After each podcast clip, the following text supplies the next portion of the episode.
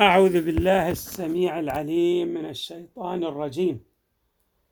بسم الله الرحمن الرحيم والحمد لله رب العالمين والصلاة والسلام على أشرف الخلق سيدنا ونبينا محمد وآله أجمعين الطيبين الطاهرين.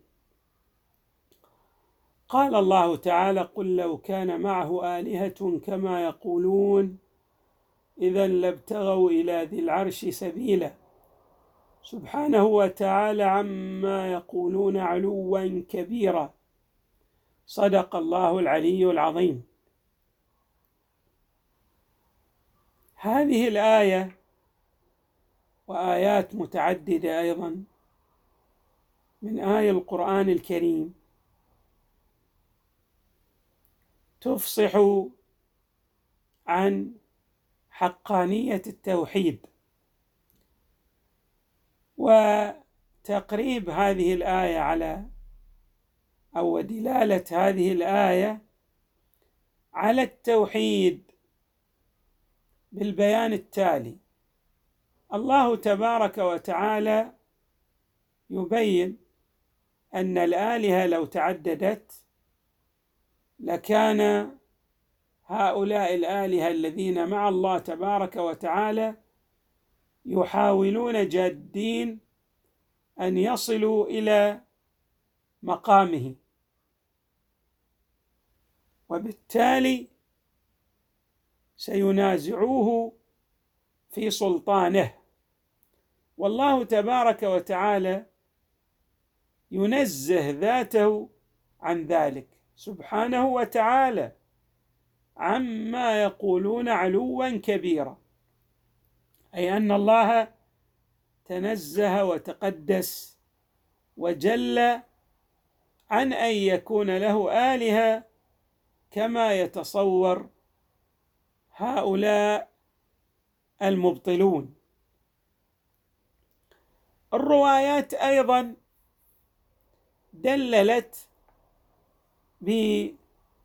بيانات متعددة على وحدانية الله.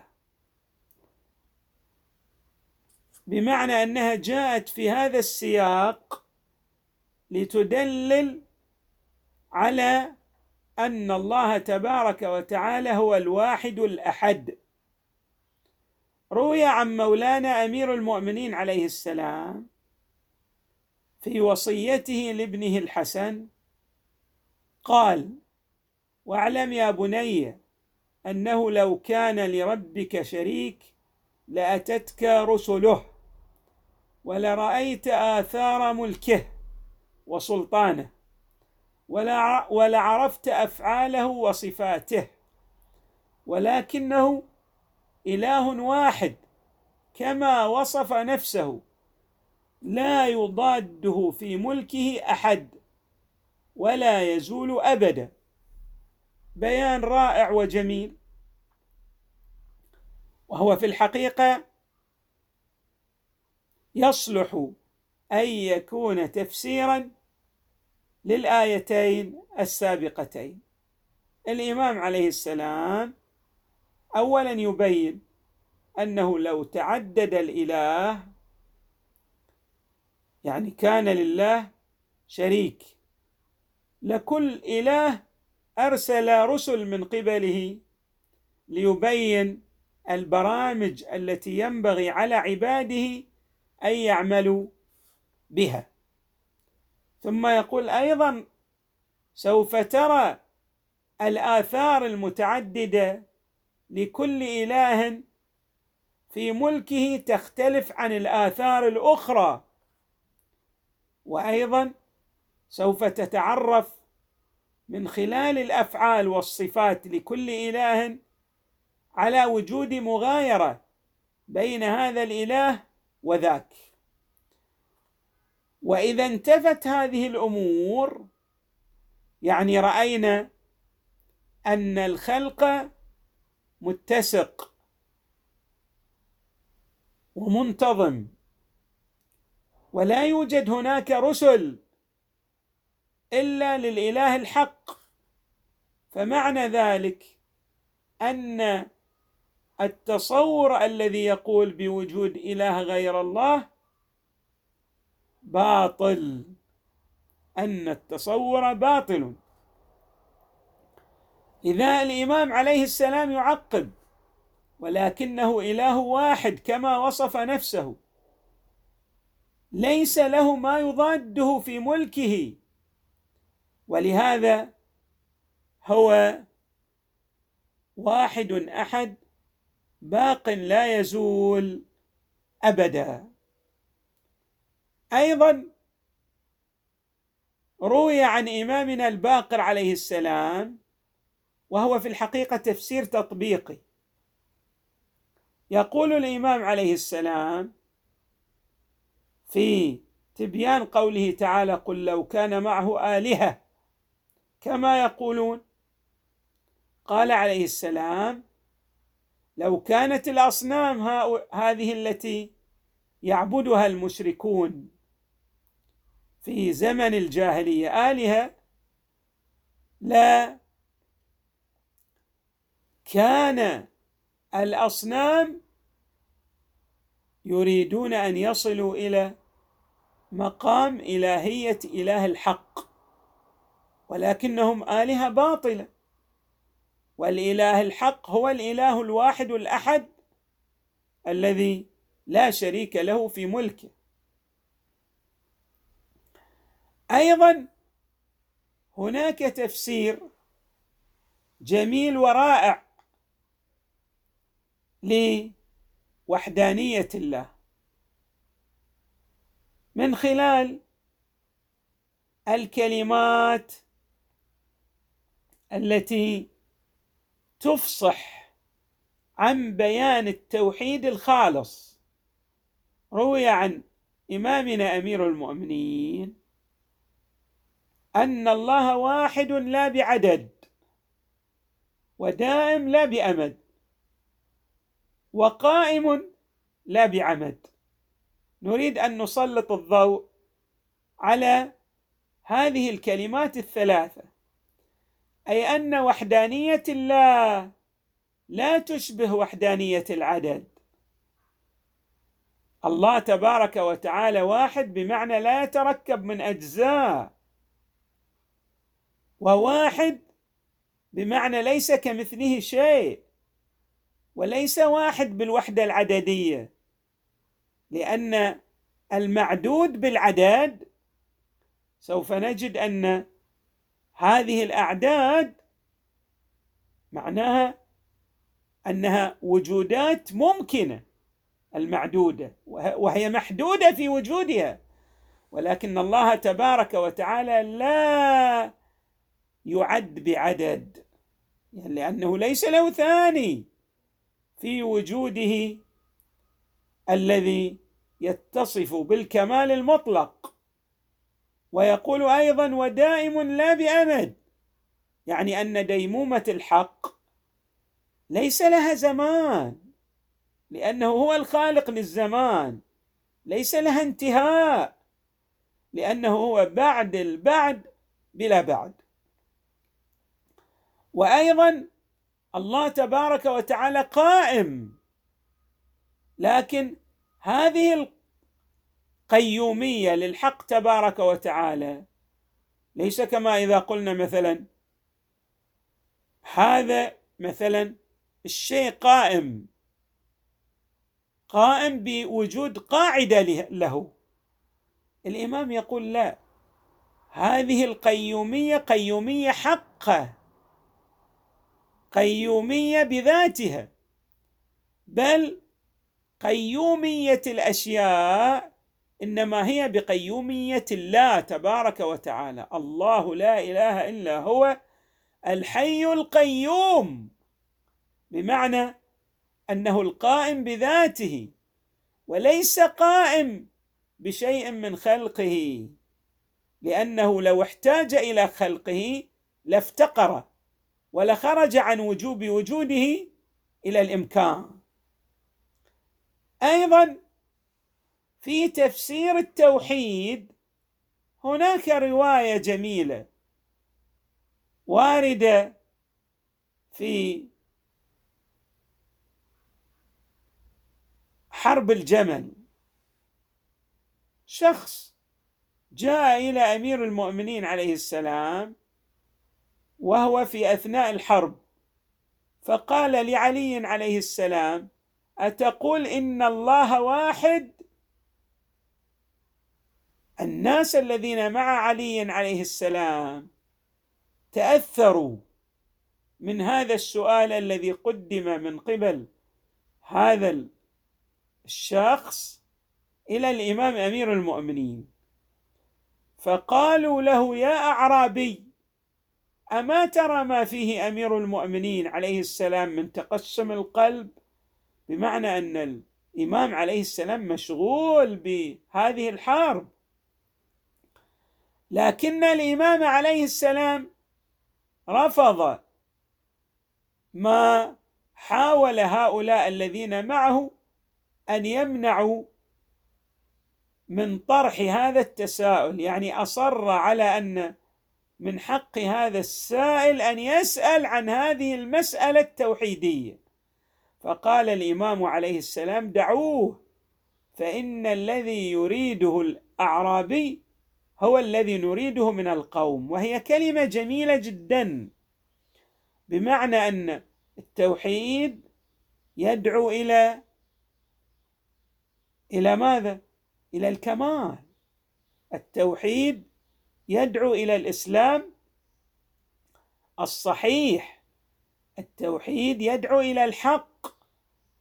وهذه الحرب التي نخوضها إنما هي من أجل إقامة الحق وإزهاق الباطل ووضع الأمور في نصابها. فاذا هذا الأعرابي بسؤاله في الحقيقة نحن عندما نجيب على هذا التساؤل ويترسخ العمق التوحيدي في ذهن أي شخص من الأشخاص فمعنى ذلك أنه يحقق ماذا يحقق الهدف والغاية التي من أجلها نحارب هؤلاء الذين نقضوا البيعة لعلي عليه السلام. يهمنا أن نقرأ الإجابة الرائعة والجميلة لإمامنا أمير المؤمنين عليه السلام. قال الإمام عليه السلام يا أعرابي إن القول في أن الله واحد على أربعة أقسام. فوجهان منها من هذه الأربعة لا يجوزان على الله عز وجل.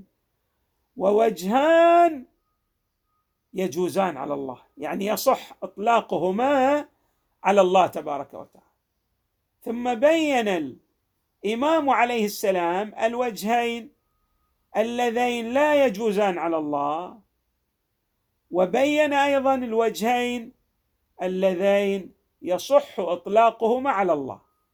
قال الإمام عليه السلام في الوجهين اللذين لا يجوزان.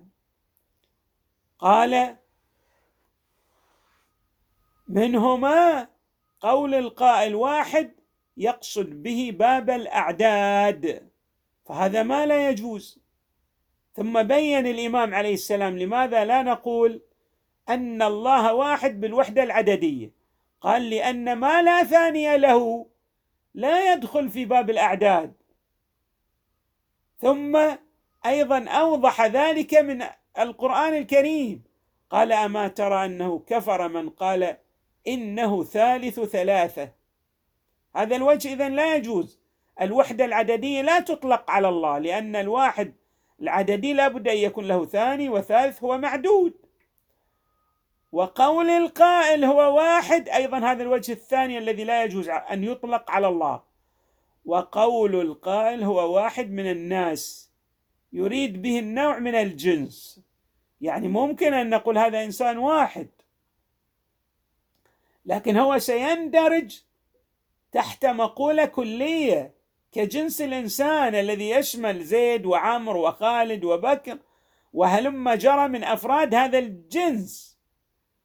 قال الإمام فهذا ما لا يجوز عليه لأنه تشبيه بالمخلوق. نعم. وجل ربنا عن ذلك تعالى. وجل ربنا عن ذلك وتعالى. ثم بين أيضا الوجهين اللذين يصح أن نطلقهما على الله تبارك وتعالى. فقال وأما الوجهان اللذان يثبتان يعني يصح أن نطلقهما على الله الأول قول القائل هو واحد ليس له في الأشياء شبه كذلك ربنا. فاذا إذا نقصد أنه واحد بمعنى لا شبيه له ابدا. لا يوجد موجود يشبه وجود يشبه في وجوده وجود الحق تبارك وتعالى لأن جميع ما عداه هو ممكن ومفتقر إلى غيره. أما الوجود الحق فليس كمثله شيء. فإذا بين أن هذا الوجه يصح أن نطلق على الله واحد بمعنى أنه لا يشبهه موجود ابدا. ليس له شبه ليس له نظير. يقول الإمام كذلك ربنا. الوجه الثاني أيضا الذي يصح أن نطلقه على الله هو قول القائل إنه عز وجل أحدي أحدي المعنى. ماذا يقصد باحدي المعنى؟ الإمام فسر الاحدي قال يعنى بها أو يعني به أو يعنى به أنه لا ينقسم لا في وجود وجوده احدي ولا ينقسم في العقل أيضا ولا ينقسم في عالم الوهم.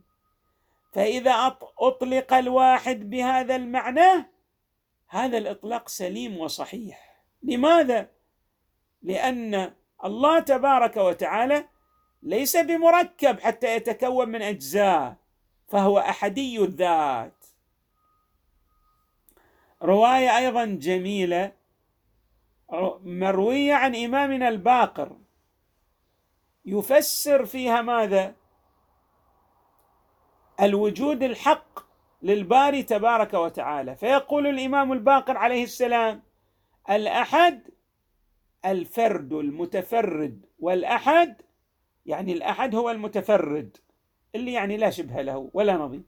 والأحد والواحد بمعنى واحد وهو المتفرد الذي لا نظير له. والتوحيد في حقيقته هو الإقرار بالوحدة وهو ما معنى الوحدة؟